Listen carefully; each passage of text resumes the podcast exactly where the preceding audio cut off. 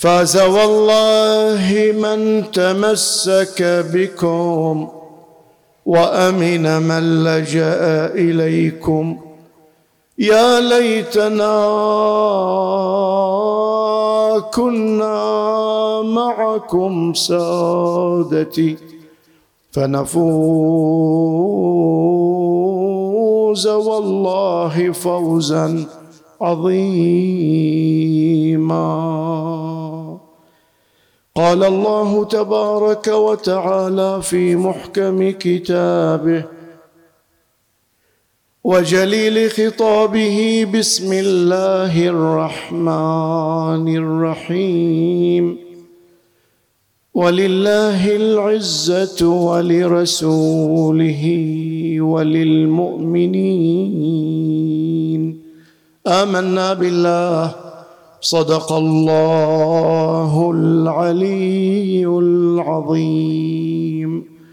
رحم الله من ذكر قائم آل بيت محمد وقام متقدما إلى الأمام فاسحا المجال مصليا على محمد وآل محمد.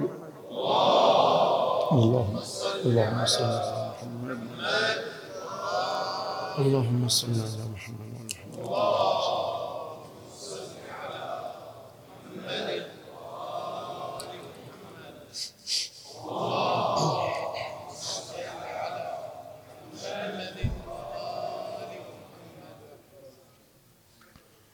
الحديث الليلة وإن شاء الله الليلة القادمة تحت عنوان كن عزيزا بدينك. النقطة الأولى لما الحديث حول هذا الموضوع؟ هناك عدة أمور وأسباب تدعونا لكي نسلط الضوء على اعتزازنا بديننا. الأمر الأول هو أن نقدر الذات ونستشعر النعمة العظمى التي ينبغي أن نفخر بها ونعتز لها وهي أن تكون منتسبا إلى خالق الكون منقادا لهديه وأمره. واحد يستحي أن ينسب للدين أو أنه متدين عند كلمة تدعو إلى الخجل. إذا قالوا هذا متدين لا أنا مو متدين عادي لا أنت متدين وافخر هذه النعمة رقم واحد في التراث الديني وهذا دائما كرره اليوم أكملت لكم دينكم وأتممت عليكم نعمتي. هذا التعبير مع أن نعم الله كثيرة يريد أن يقولها النعمة لا يجاريها شيء آخر. ولهذا الإنسان لابد يستشعر النعمة ولا يخجل منها بل يفخر. الأمر الثاني أن نتعرف على المسافة الشاسعة بين الإيمان والشرك. هذه المساحة الآن بسبب التشويشات تخلينا نقترب من الشرك في بعض الأحكام. ما هي المساحة بين الإيمان والشرك؟ نقرأ الآية. ومن يشرك بالله فكأنما خر من السماء فتخطفه الطير أو تهوي به الريح في مكان سحيق شوف التعبير القرآني. الفرق بين من يؤمن وبين أن يتخلى عن إيمانه ويشرك كأنه سقط من السماء. إما يلتقط طير جارح وإما يهوي في مكان سحيق شنو الفرق الكبير هذا؟ هل نستشعر إحنا؟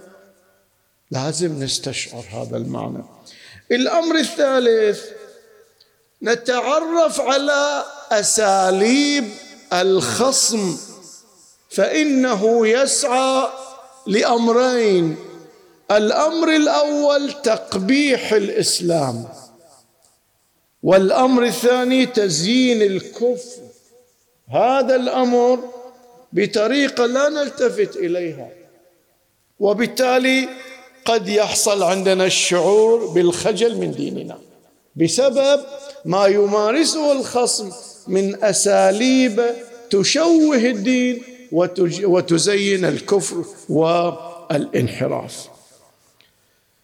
الأمر الرابع أن هذا الموضوع هو موضوع حاضر في قرآننا. الكفر والإيمان ومن وما هي علامات الإيمان وما هي امتيازات المؤمن وما هي انحطاطات الكافر. هذا موضوع مهم في القرآن. ما يطرح القرآن موضوع ويعطيه مساحة إلا لأهميته. وإذا كان القرآن كتاب هداية لازم أن نعيش هذه الهداية. الأمر الخامس لنتعرف على حاجة البشرية للإسلام. القرآن يصورنا إحنا أفضل أمة. كنتم خير أمة أخرجت للناس. فاللي يريد يتعرف شلون هو خير أمة لازم يعرف سبب هذه الخيرية وليس إلا الدين.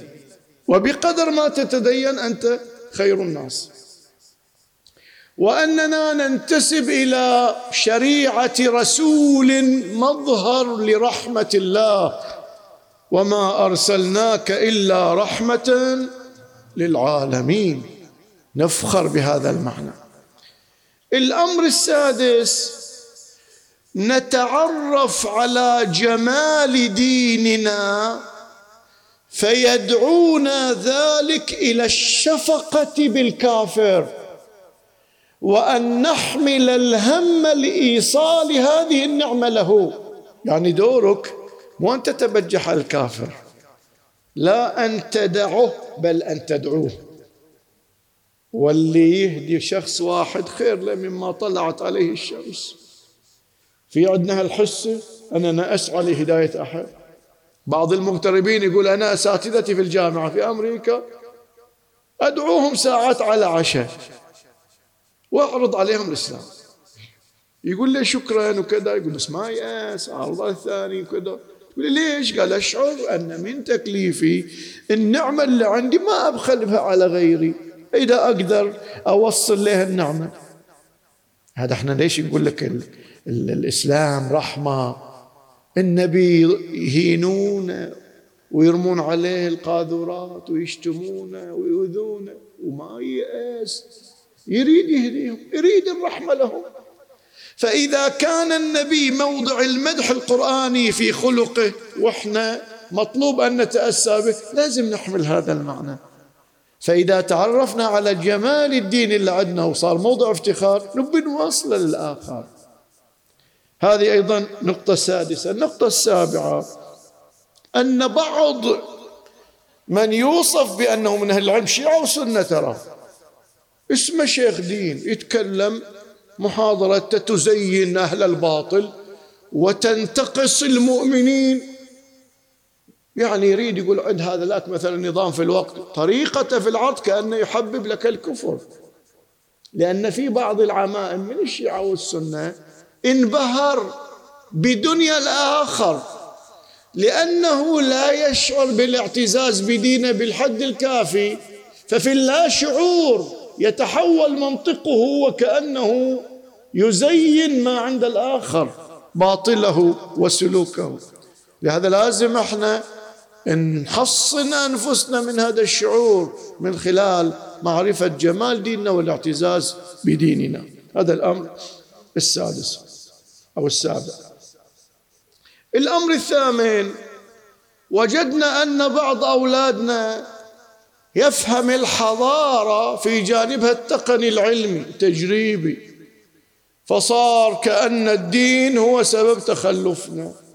فصار يعيش الشعور بإكبار الآخر لما عليه من تقنية ويشعر إن إحنا لو نتخلى عن هالتقيدات وعن هالدين وعن كذا يمكن نتطور مثلهم. هذا اختلال في تقييم الواقع يخلي الإنسان قد يكبر الضلال على حساب الحق. الأمر التاسع هو أننا نريد أن نفخر بكل حكم شرعي. لأن اليوم يطرحون لنا الدين الرحماني مثلا يعني كأن ما عندنا في الدين البراءة. لازم عندك براءة. لازم عندك مفاصلة بين حق وباطل. تتولى وتتبرر. أما بتقول لي لا أنا إذا أعطاني راشدي على خدي الأيمن أقدم خدي الأيسر هذا مو منطق عقل ولا دين. هذا مو. وإذا تقول لي أنا أوالي أعداء الدين هذا هذا أنت سطحي أنت مغفل. لما؟ لأن القوة الغضبية ما أوجدها خالق الكون إلا ولها موضع. موضعها هو أعداء الفطرة. أعداء مصلحة الإنسانية. تشوفهم اليوم عندنا ليلة نتكلم عن الشيطان يدير المعركة. بتشوف هالحضارة وش تنشر لنا بتشوف وش تستهدف من فطرة. وبالتالي إحنا أحكامنا التفصيلية نفخر بوجود الجهاد. وهل توجد دولة في الكرة الأرضية ما عندها جيش وعندها أعداد قوة؟ وهل يوجد دولة تحب من يعتدي عليها؟ ليش بس الإسلام إذا عنده تبري صار كأن من قصى هذا توظيف للقوة الغضبية لصيانة الفطرة وأحكام الفطرة والقيم والدين والعرض والأرض والمال. لكن للأسف الناس تستغفل ساعات ببعض الشعارات الرنانة. هي مثل القرآن الذي رفع في صفين. هو قرآن لقتل القرآن الناطق. هذه التعبيرات الجميلة التي تستبطن خبثا هذه يمكن أن تخدع بعض الضعاف اللي ما عنده البصيرة. لهذا نبي نفخر بديننا. على أساس كل هذا لا نقع فيه. الخلاصة أننا نريد أن نعتز بالدين لكن لا يعني أننا نتكبر بل ندعو من من لم تصله رحمة الإسلام.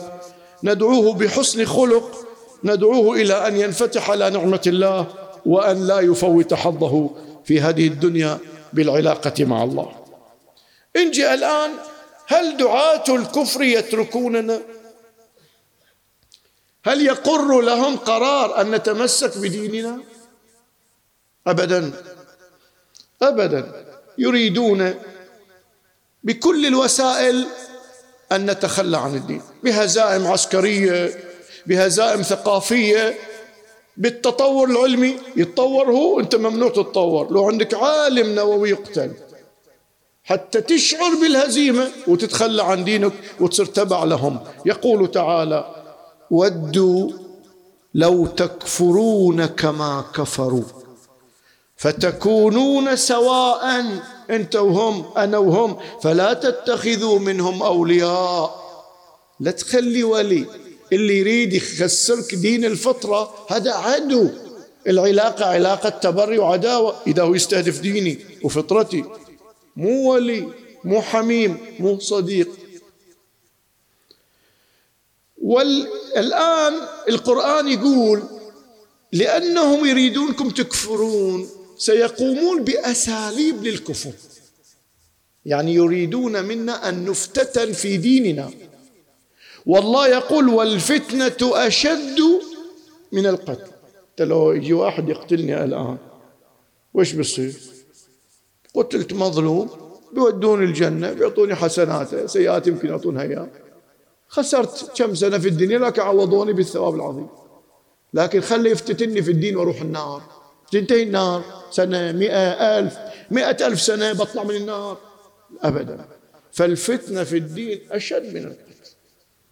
وفي آية أخرى والفتنة أكبر من القتل ولا يزالون يقاتل يقاتلونكم حتى يردوكم عن دينكم إن استطاعوا.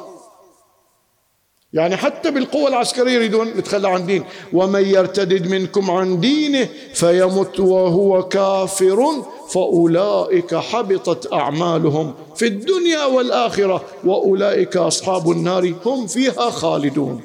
أخسر الدنيا على دين ولا أخسر الآخرة وأعيش في الدنيا سنين. فإذا دعاة الكفر لا يريدون أن يكفروا فقط. القرآن يعبر عنهم وهم ينهون عنه وينأون عنه. ينأى عن الدين والحق وينهى الآخرين. يعني ما ما يشرب من العين ولا يخلي غيره يشرب.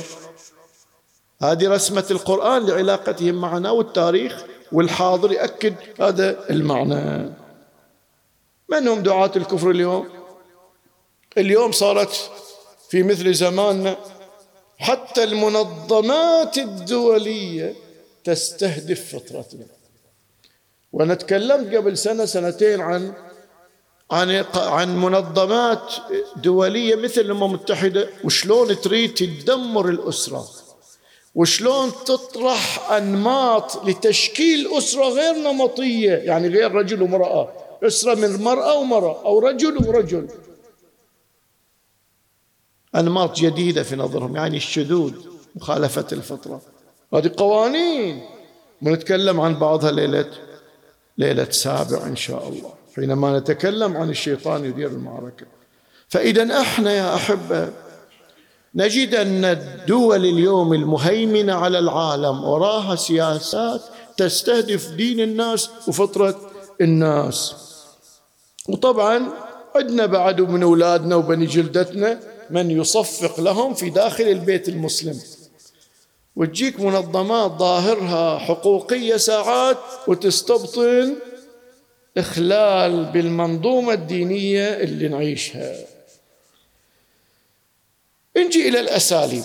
أساليبهم في إخراجنا من هذا الدين وأن لا نعتز به. أول شيء تحقير الإسلام في النفوس وهذا له أساليب عديدة يمكن نذكر بعضها. منها مثلا خل واحد يطعن في الدين. بتشوف الإعلام يسلط الضوء عليه ويسميه الإسلام المعتدل ويسميه المتنورون ويسميه مثلا المستنيرون المفكر الإسلامي. ليش مفكر إسلامي؟ لأنه يطرح أشياء اجتهادات بعيدة عن المجمع عليه. وتخدم أجندة كافر فيقول لك أنت هذا لازم تلمعه. ولازم تصف له عناوين قبل لا يذكر. حتى لو ولد الحوزة. خله يطلع عن ما عليه الطائفة بيصير عليه الدعم. هذا ال... إحنا ما ندري ما نشوف إلا تصفيق ومتنور ومنفتح ويواكب العصر وعناوين جميلة. تجذب هو متى الشيطان وصف لك الضلال باسمه؟ لازم يلبس لباس الحق. وبالتالي هذا السلوك موجود وقد تطبع كتبه وقد يدعم مواقعه ومؤلفاته. هذا موجود. هذا الأمر الأول. اثنين الأسلوب الثاني لتحقير الإسلام المساس بالمقدسات. تو السويد الآن سمحت بحرق كتاب الله وكرروها اليوم. كرروها اليوم. يلا. الآن الدول الإسلامية إذا عندها غيرة على دينها يلا تفضلوا. العراق طرد سف... طرد السفيرة. تفضلوا. ما عندكم غيرة على دينكم؟ كتاب ربكم؟ خليه يحرقون علم البلد بصير ضجة. خليه يحرقون صور رئيس من رؤساء بعض الدول بصير ضجة. ويطردون السفير حركتون صورة رئيسنا القرآن. وين منزلته؟ وين موقعه؟ وهاي تعمد مكرر والدولة تحمي. إذا إحنا خلنا الآن واحد في الغرب يقول عن الهولوكوست كلمة خليه يقول عن الشذوذ الآن يعاقب على الشذوذ أساس تعرف أن المسألة مو مسألة حقوق وحريات مسألة أجندة وتخطيط. شيطان. وبالتالي المساس بالمقدسات مع الوقت قد يوهن قداسته في نفوس أتباعه. تعودنا يشتمون النبي تعودنا يحرقون القرآن نطعم يصير عندنا عادي بعدين. هذا الشعور شعور قداسة المقدس يريد الإسلام له أحكام شرعية وفقهيات. فقهيات شيء يطيح في أجلكم الله البالوعة فيه له فقه إذا هو مقدس وش تسوي؟ عندنا فقهيات المقدسات لكن الآن حتى الإنسان تضعف انتماءه وقوته وعلاقته بمقدساته كل يوم كل يوم لين ما نأنس الشيء.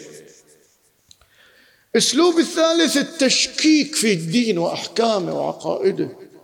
وهذا إحنا نشتكي صراحة.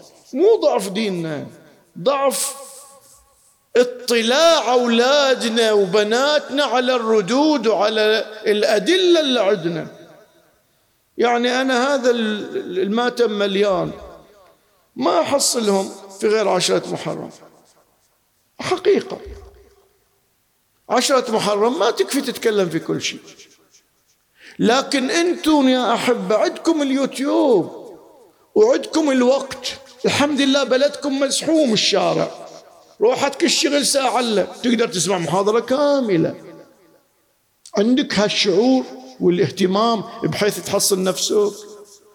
ليش الإمام الصادق قبل ما تجي وسائل التواصل اللي توصل الضلال بسهولة كان في الرواية بادروا أحداثكم قبل أن تسبقكم إليهم المرجئة. بادرون بالحديث بالعلم يعني. حصنا قبل لا تجي الشبهات. اللي يطعم ينجو من المرض. اللي ما يطعم ينبلى يا ينجو من المرض بتعب طويل بجهد كبير. يا يموت. اللي يطعم بالأدلة تجي الشبهة ما تأثر. اللي ما يطعم إما يرتد وإما يقعد لك ستة أشهر يبحث عن أجوبة ويقوم يقتنع وبعدها يمشكك لأن نفسه تزلزلت الحين ويش يرجعها للاستقرار فإحنا اليوم نشتكي أن هناك مراكز وقنوات ووسائل تواصل تمثل بؤرة للتشكيك في عقيدة الناس في فقهيات الإسلام وهذا يحتاج إلى تحصين نحتاج من الجميع يقرأ ويستمع يحصن نفسه يحصن عياله وإلا وأنا طبعا من موقعي يجي واحد يقول شيخنا ما شفنا إلا بنتنا كذي ما شفنا إلا ولدنا كذي ما شفت إلا زوجي صار له سنة ملحد وأنا ما تو اليوم صارحني ما ليش؟ لأن الشك وما قال وما سأل وما تبحث وما سمع الرد. بعض الأخوة والأخوات يقول لك أنا قريت شبهات على المذهب. زين. قريت ردود هالشبهات. ما عندي وقت أقرأ كتاب كامل. وانت ورط روحك الآن لما قريت شبهة. لازم بعد تقرأ الجواب. لأن الشبهة بلا جواب بتستحكم بتأثر عليك. أكيد. الشك يزلزل. فلازم تعطي لعقيدتك اهتماما. أنا أدرس سنين حتى أشتغل والشغل يجيب معاش للدنيا لكن الآخرة معاشها عقيدة وعمل. إذا ما تعلم روحك ما يخلي عندك عقيدة وعمل ما تقدر تروح جنة. لازم نهتم بهالنقطة. هذا الأمر الثاني أو الثالث تشكيك. الأمر الرابع استخدام وسائل فنية ل لإضعاف اعتزازنا بالدين مثل الكاريكاتير رسمات يرسمون لك الأمور الدينية المقدسات مثلا علماء الدين. حتى أنت تعتاد على السخرية منهم. منو رجل دين؟ يعني شنو طالب علم؟ يعني شنو؟ يعني شنو اخذ ديني من الفقيه منو الفقيه؟ عنده عقل عنده عقل. وهي القداسة راحت. صار المسألة صار المسألة كوميديا عليه. وهذا الشيء يأثر في اللاشعور بس هناك خبراء نفسانيون يخدمون الضلال في كيف التأثير على ارتباطنا بالدين. وإحنا نضحك ونقول أوه طالع ضحكني صراحة. لكن مي عدلة ضحكت ومي عدلة. في اللاشعور مع الوقت بتشوفها عدلة للأسف. بعد هناك مراكز علمية تصدر ما يشكك الناس في عقيدتهم غير مسائل التواصل دراسات باسم دراسات. انزين طبعا حتى نعيش الشعور بطريقة ما نلتفت لها. حتى ما يحدث على المسلمين من انتهاكات يطلعونها لنا في الإعلام. تالي يقولون تسريبات. يعني الآن داخل سجن أبو غريب. من هو اللي صور وقال تسريبات؟ هو خصمك يسرب. يوم يخليك تعيش الشعور بالهزيمة. تالي يقول تسريبات. هم يسربون اللي يقع عليهم من أبطال مقاومة أو غيره. ما يخليه. يقول هذا يسبب انتكاسة نفسية لجنودنا ولا شعبنا. لكن أنت يطلع اللي يخليك في اللاشعور تشعر بالانكسار والهزيمة. يشتغلون يشتغلون بس إحنا ما نفهم. إحنا في إحنا صايرين بس منفعلين بما يقدموا لنا. ما عندنا فاعلية. الإسلام يبينا فاعلين لكن للأسف هذا الأمر آه الأول أو الثاني التشويه. نجي الآن إلى إلى الأمر الأول تشويه الإسلام الأمر الثاني تزيين الكفر بمسميات مختلفة. وإحنا طبعا اليوم يجيك مسلم يقول أنا مسلم ليبرالي. أنا مسلم علماني. تقول لي يعني ويش مسلم علماني؟ قال يعني أنا أفصل الدين عن السياسة عن الدين. تقول لي الله فصل. قال ما لي شغل أنا فكري كذي. تقول لي يعني أنت تاخذ من دين بعض اللي ياخذ بعض ويخطئ البعض الآخر. يرى أن الله يصيب ويخطئ. هذا مو الله الحقيقي. هذا مو إيمان حقيقي. ليش في القرآن يقول فلا ربك لا يؤمنون حتى يحكموك؟ إذا يراك حق اسمه وأنك تتكلم بسم الله لازم يؤمن بكل شيء برضاه أما اللي ياخذ شيء ويترك شيء هذا مو إيمان. اليوم يزينون لنا هذه الأمور وسننظر ما سوف تؤدي. الأمر الرابع الأمر الثالث تشويه القضاء الإسلامي والتاريخ الإسلامي. يريدونك ما تنتمي لتاريخك ولا تنتمي إلى قضائك ولا إلى حلاوة جمال عدل دينك. يخلونك تستحم دينك. تقول أنبي حكم مدني.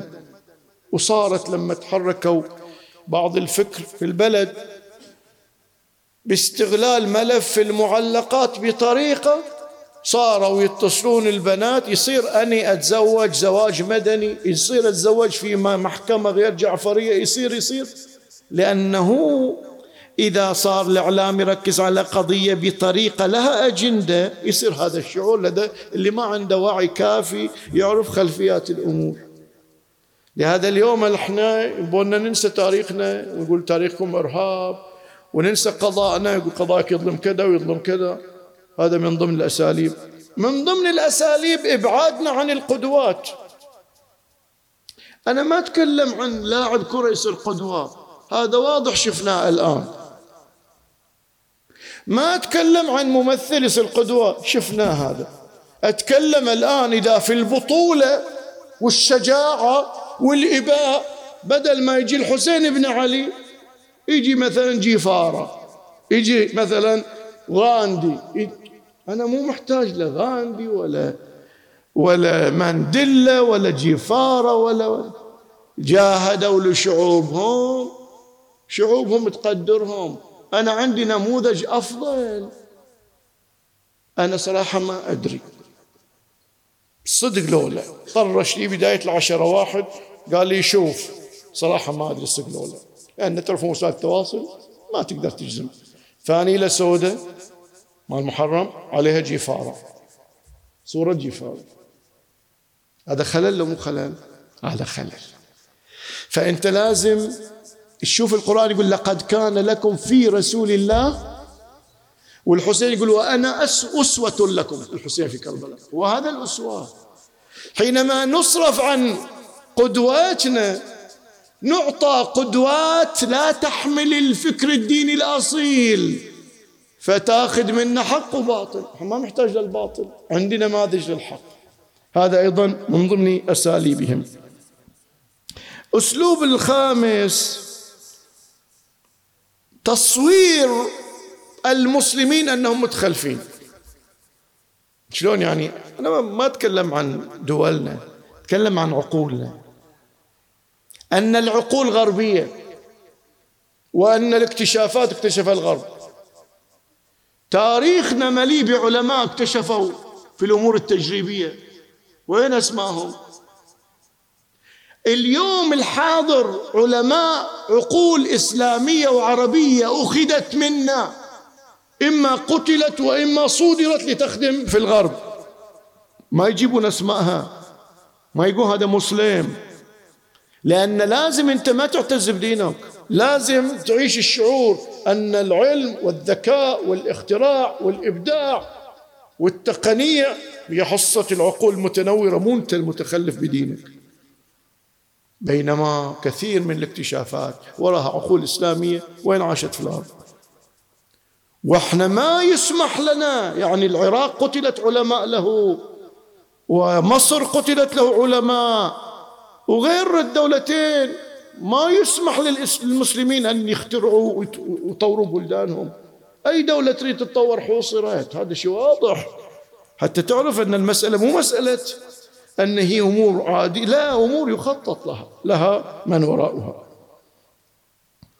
عندنا أيضا من ضمن الأساليب طمس الهوية الإسلامية. هذا للأسف اليوم نروح وراه سريع إحنا. ما نلتفت لكن اليوم لباسنا صار لباس الغربي. ليش سيد خامنئي يوقف الناس على على هاي ربطة عنق؟ لأنه يرى أن لها ما وراءها. يقول هذا ما أنا أشوفه ترويج لثقافة آخر. إذا الهوية إذا راحت الهوية هويتك أنت في لباسك لا لباسك غربي. في أكلك صرنا أكلنا غربي. صرنا الآن حتى إذا بركب خيل أنبي أصير كوبوي أنا ما أنتقص من إخواني اللي يسوون بس أقول هذا جزء من شعورنا بعدم وجود هوية ننتمي لها بالحد الكافي. تخليني أنظر بما عاد غيري. اليوم البلدان الإسلامية تطمس هويتها. بعض البلدان في تضييق على المسلمين في بناء مسجد. وكل يوم يبنوا كنيسة ويبنوا معبد لبوذي ولغيره وكذا. هذه بلد مسلم. بعض الدول الآن شالت العطلة من يوم الجمعة. سوت سبت أحد.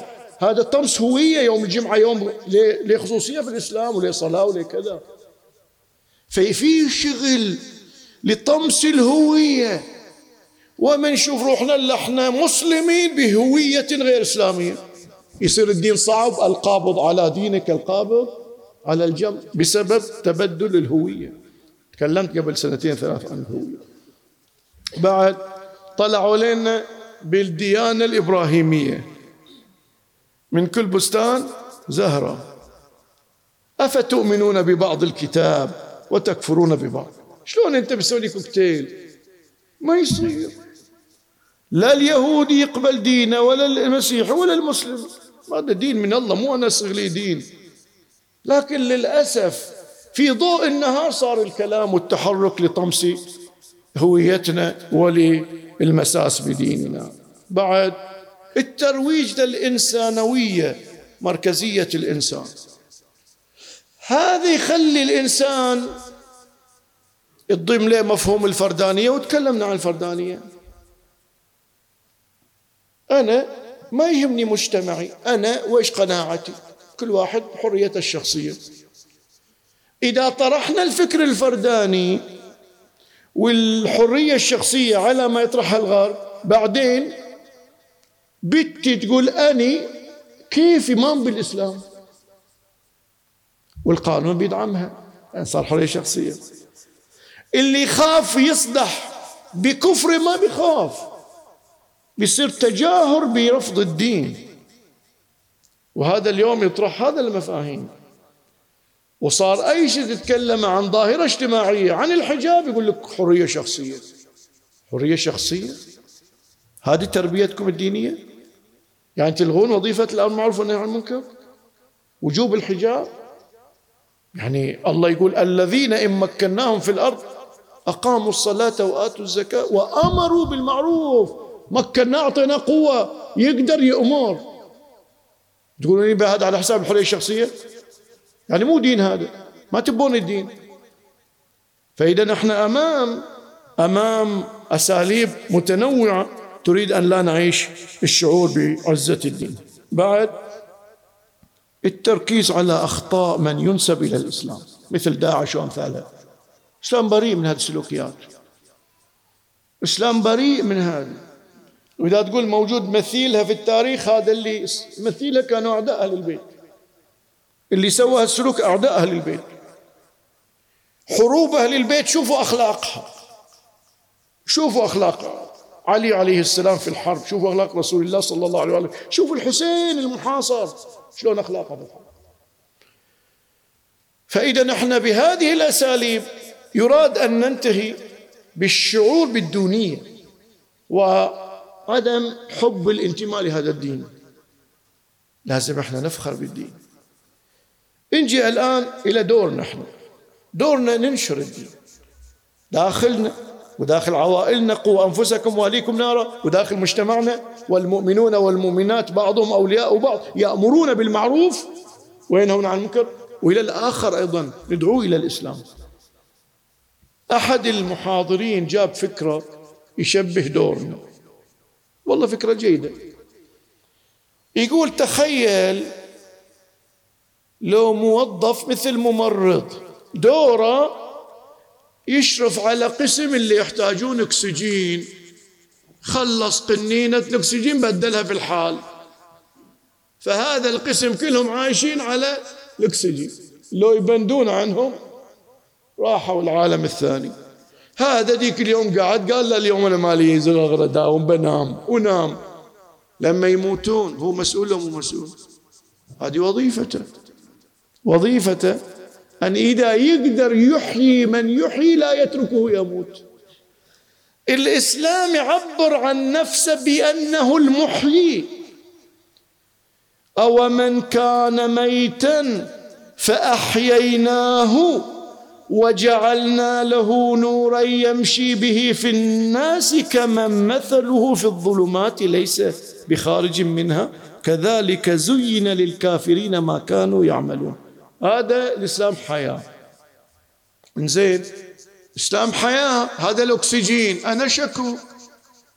أنت مو الله يقول إن الله اشترى من المؤمنين أنفسهم وأموالهم بأن لهم الجنة يقاتلون في سبيل الله فيقتلون ويقتلون. يعني أنت مو دورك تنشر تحيي مو انت اذا تنشر الدين تحيي اذا تقدر تحيي انت الله اشتراك. يعني انت اجير مملوك إلى الله. اشتغل. وصل الدين اذا تقدر. لا تتقاعس. هذا اكسجين يحتاجون دلين اللي ما وصلهم الاكسجين. وانت عندك تقدر توصل لا تبخل. طبعا مو كل واحد يقدر ولا في كل ضف نقدر. بس أقول هذا الدين يقول إذا تقدر لا تبخل على آخر أن توصل له حقيقة هذا الدين. فإذا المسلمون مطلوب منهم قدر الإمكان يرفعوا موانع وصول الأكسجين. موانع وصول الدين. الله يقول وما لكم. في ذاك الزمان كان في ناس مستضعفين ينبون الدين مو مخلينهم. فالله يخاطب المؤمنين يقول لهم وما لكم لا تقاتلون في سبيل الله. والمستضعفين من الرجال والنساء والولدان. في ناس مستضعفة بتوصل لكم للدين. مو مخلينهم كفار قريش وأمثالهم. يقولون ربنا هاي المستضعفين أخرجنا من هذه القرية الظالم أهلها واجعل لنا من لدنك وليا واجعل لنا من لدنك نصيرا. يا رب سو لنا منفذ. ناس يطلعونا من هالدائرة ففي ناس ينبونك ترفع الموانع عنهم توصل لهم جمال الدين. هذا بالمتاح بالممكن. لهذا الله أمر بالقتال وآيات القتال إذا شوفها لها لها موردها. مو مثل ما يصوروننا نمشي ونقتل.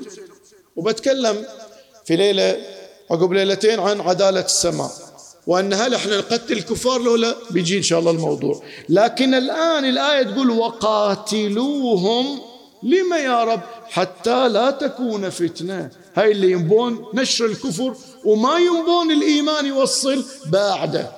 وقاتلوهم حتى لا تكون فتنة ويكون الدين لله.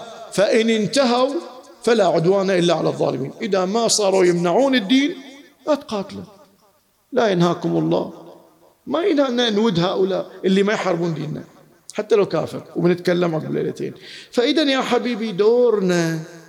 قدر الإمكان مو بس نؤمن نخلق أجواء الإيمان.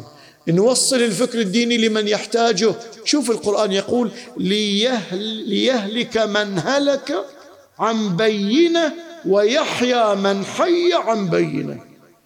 خلي العلم يوصل للجميع ويختارون الدين باختيارهم. لا تخلون الوسائل تمنع وصول الدين إليهم لأن هناك من ينهى وينأى وهم ينهون عنه وينأون عنه. هؤلاء نمط من الكفار هاي لازم نزيحهم قدر الإمكان. إذا أنت عندك مسؤولية يا حبيبي. مو بس تؤمن مو بس تفخر بدينك مو بس تستشعر هذه النعمة. أن تستشعر حاجة الآخرين لهذه الحياة لهذه النعمة لهذا الأكسجين. هذا دورنا في الحقيقة. انجي الآن. ماذا خسر العالم لما الدين حورب وأبعد؟ وش خسر؟ اليوم ثروات الأرض عند مجموعة قليلة بالأصابع تملك معظم ثروات الأرض والبقية العالم أكثر يعيش تحت خط الفقر وناس ما تحصل لقمة تاكل. وروح شوف أفريقيا وأمثالها والكاميرات تصور. يعني الله خلق نفسه ما لها رزق. لو بعض الأحيان حتى الحنطة نرميها بحر ولا نبيعها من أجل السعر من أجل الاقتصاد. شوف هناك القرآن وش يقول؟ يقول ما أفاء الله على رسوله من أهل القرى شفتون النبي يجيبون له الأموال ومترهي وياكل لو النبي في مثل الخندق ثلاثة أيام ما أكل شيء. لو ينبو يجيبون له أصحابه. لكن يواسيهم يواسي الضعاف. جابت له السيدة الزهرة طعام قليل قال هذا أول طعام يدخل. جوف أبيك من كذا يوم الله يقول ما أفاء الله على رسوله من أهل القرى فلله وللرسول ولذي القربى واليتامى والمساكين وابن السبيل. لما يا رب؟ قال كي لا يكون دولة بين الأغنياء منكم. هذا البيت إذا تعطيه يوزع. علي ما يهنى إلا إذا وزع بيت المال وصلى ركعتين أن نوزع على المحتاجين. ما خلى شيء. الإسلام هذا. الإسلام يعاتب الذين يكنزون الذهب والفضة يعاتبهم. رواية حتى لو زكى وخمس بعد ما يصير يعطل الاقتصاد. إذا يقدر يشغله ويخلي الناس تشتغل ويعيش يحرك السوق الناس كلها تعيش وتحصل وظائف. هذا الإسلام. الإسلام يمتدح. شوفوا أهل البيت. الآن أنت يا جماعة شوفوا الإسلام. هي الفقراء. اللي يموت يتمنى يعود يرجع له. وين ها؟ وإيش تقرون في سورة الجمعة لو؟ ها؟ يتمنى يرجع لشنو فأصدق وأكن مو بس الصلاح أول بدأ الصدقة يعرف أهمية صدقة. أمير المؤمنين مدح في آيات بسبب صدقة. ويطعمون الطعام على حبه. مو على الصدقة لا. أمير المؤمنين آية الولاية الذين يقيمون الصلاة ويؤتون الزكاة وهم راكعون. صدقة. أساس تعرف أن هذا الإسلام جعل من إعانة الضعاف والفقراء طريق إلى الله. طريق إلى الله. فهذا الآن يقول هالأموال تتكدس عند جماعة ما يعيشون دين. لو عاشوا الدين الإسلامي مثل علي بن أبي طالب في رواية الإمام الصادق أعتق ألف عبد بكد يده. يشتغل ويطلع فلوس وهو يأكل خبز يابس وملح جريش ويعتق العبيد يصير هم الناس. هذا الإسلام. إذا جاب طار العلاقة مع الله يقيمون الصلاة قال ويؤتون الزكاة. يعني ينظرون إلى الفقراء. فالإسلام إذا خسرناه معناه وبئر معطلة وقصر قصر لواحد. ينام في واحد بالألف منه. وما يفيده ما مستفيد من القصر. وذاك البئر اللي يفيد الناس كلها معطل. ليش؟ لأن المال يصير مو بطريقة صحيحة. إذا يجي الإسلام يغير. يصير مشي بيجي الإسلام. بيجي صاحب الزمان وبصير مشكلة في في زمن صاحب الزمان. في مشكلة. عنها سيدي؟ سمعت مني قبل. وهي ما تحصل فقير. تبي تتصدق؟ ما تحصل فقير. يجي يحطون له يترسون له ذهب ويترسون فلوس ويمشي يريد يرجع يقول ما يقول خلاص أعطيناك. لأن الخيرات موجودة وأن لو استقاموا على الطريق. الخيرات موجودة بس الناس الظلم ظهر الفساد في البر والبحر. فاذا خسرنا توزيع الثروات بطريقة عادلة بسبب إبعاد الدين. بعد بسبب إبعاد الدين عاشت الأرض حروبا طاحنة خلفت ايتاما وأرامل وفقراء ومعاقين بسبب أطماع مليون عراقي قتل. أمس هذا واحد نشر فيديو عنوانه بهالعنوان. مليون عراقي للتستر على فضيحة جنسية. قلت له بسمع وش وش يا رب؟ هو هذا تحليل على كل حال. يقول لما كلينتون صارت للفضيحة الجنسية أراد يشغل الشعب الأمريكي فادعى وجود حرب وجود أسلحة دمار شامل في العراق وخاضت أمريكا حربا وقتل مليون عراقي على أساس تستر اشتغل الأمريكيين بأسلحة الدمار عن رئيس إذا صدق مو بعيدة لأن ما له قيمة الأرواح. الآن جنود أمريكان يتكلمون كيف يقتلون الأفغان وكيف يقتلون العراقيين. هذا شوف في كتابين ألفا كتاب اسمه ما الذي يريده عمسام لنعوم. أنا أخاف أقرأ اسمه غلط ما يهمني اسمه. إيه تشومسكي عدل؟ إيه قلت يقولون ما تحط اسمه ما تعرف. مو ولد عمي ولد ولد أخوي. كتاب آخر عقيدة الصدمة للكاتبة الكندية نعومي كلاين. ألفت حروب. شلون آثارها المدمرة سببها شركات؟ تريد تبيع سلاح تريد تستعبد تريد تريد تريد. هذا البشرية بدون دين بدون حاكمية الله. بعد وجود التعذيب والاغتصاب والسرقة لا تقول منظمة الأمم المتحدة جابت جابت إلى أفريقيا مساعدات أممية. وتالي تالي محسوبيات وسرقات واغتصاب. شوف شوف الأرقام اللي تكتب. هذا هذا إذا أبعدنا الدين. بعد بعد المساس بالفطرة ترويج إلى الشذوذ اليوم استهداف الأسرة. هي بسبب ابتعاد عن الدين. هذا أمر رابع. خامس موت قتل الأجنة. إذا الآن السعار الجنسي صاير بهالطريقة. الطفل قبل الكبير يوصل للإباحيات.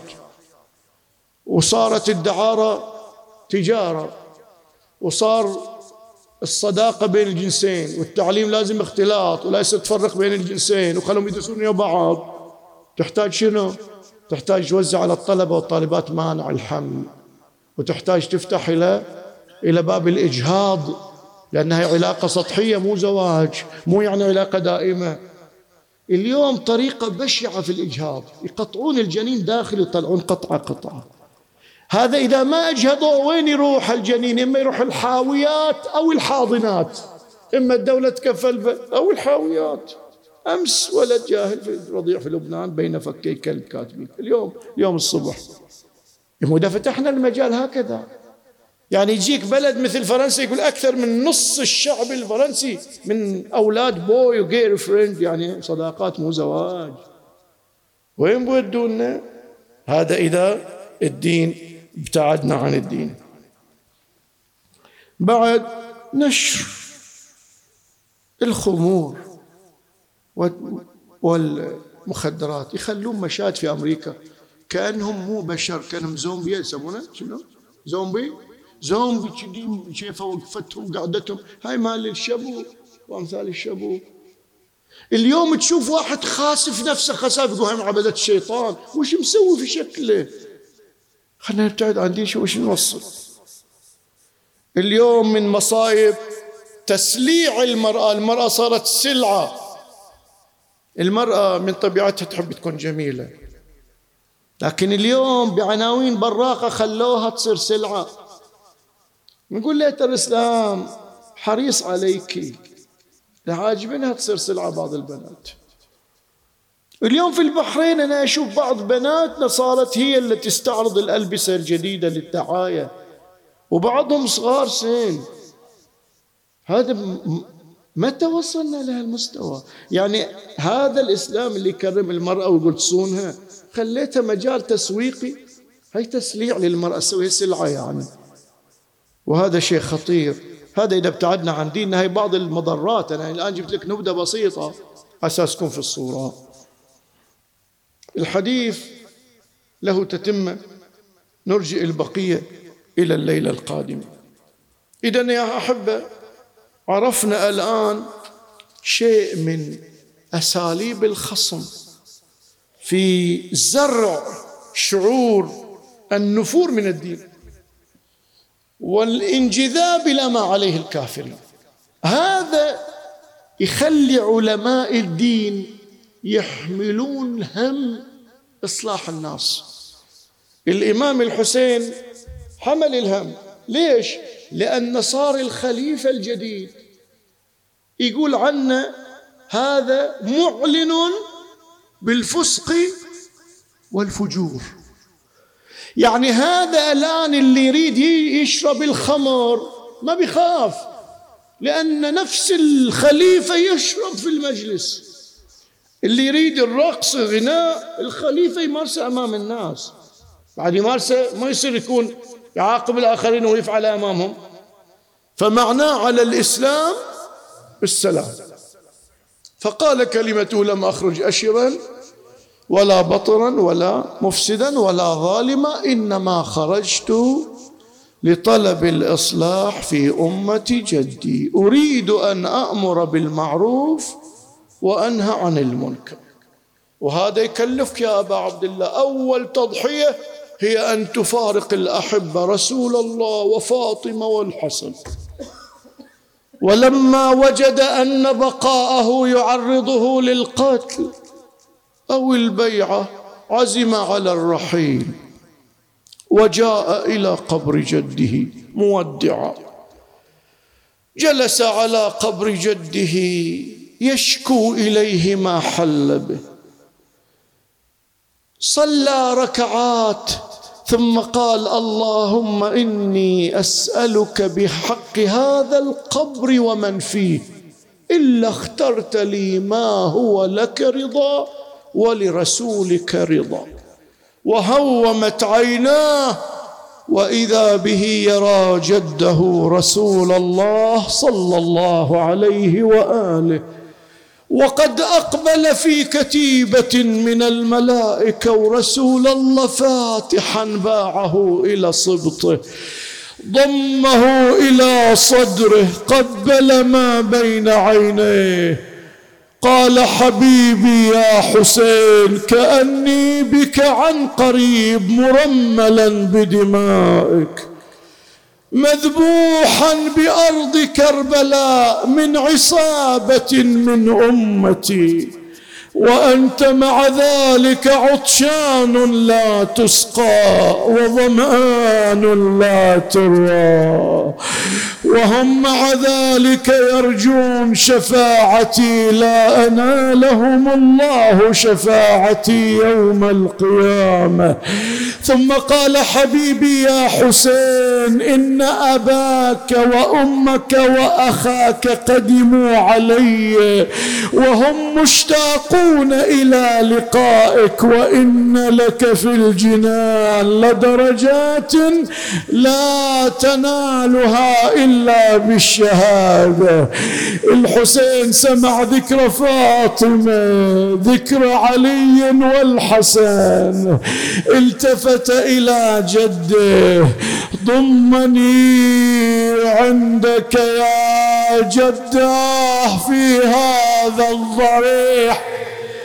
علني يا جد من بلوى زماني أستريح. ضاق بي يا جد من فرط الأسى. كل فسيح فعسى طود الأسى. يندك بين الدكة. جد صفو العيش من بعدك بالإكدار شيب. وأشاب الهم راسي قبل أبان المشيب فعلى من داخل القبر بكاء ونحيب ونداء بافتجاع.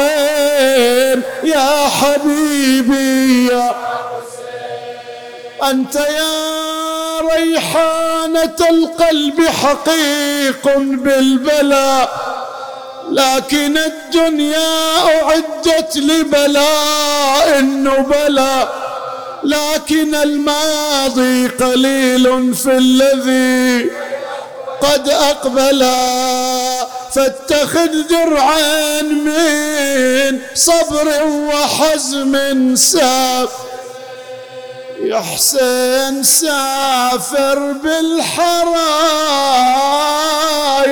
والنساوي. تنذبح يا ابني ونسوتك تدخل دوام خل تنصب الشيعة النياح عليك يا حسين. أنت تنجيها ويصير الذنب مصفى ودع قبر جده وجاء إلى قبر أمه فاطمة. يا لها من ساعة حينما قال أمه في أمان الله. في دعة الله إلى أين يا ثمرة فؤادي إلى حيث مقتلي. أماه إن كان القوم قد قد أسقطوا لك جنينا. أنا يا أماه تقتل رجالي أولادي حتى رضيعي. أماه إذا كان هناك مسمار نبت في صدري صدرك. أما أنا فسهم مثلث يمزق قلبي. أين المنادي وحسينا بعد يا أبا عبد الله. أماه إذا كان الرجل لطمك لطمة أنا الحجر يصطك بجبهتي. تسيل الدماء على وجهي. أماه إذا أخذوا بعلك إلى المسجد ملببا. أما أنا فالحبال في رقبة زين العابدين. وزينب وأخواتها من بلد إلى بلد. كأني بالزهراء صرخت وولداه وحسينا اتمرغ على الرضا. قلبه من الوجد ذاب. عفر خدوده ويح. قلبي بذاك لترى ينادي عزيزك يا بتولى من الهضم شا. متحير بالوطن ما يحصل له قعو. هلا تدموع ولا صاق فوق القبر صدره. يبكي وينادي في أمان الله يا زهر. مكسور قلبي من الهضام.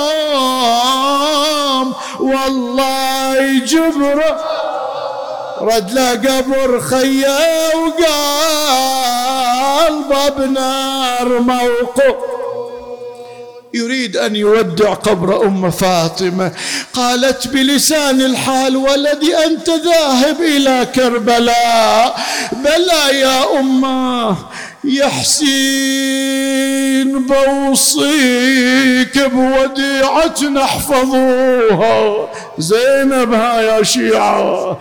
يا حسين بوصيك بوديعة احفظوها وليكون برض الغادر يضيعوها.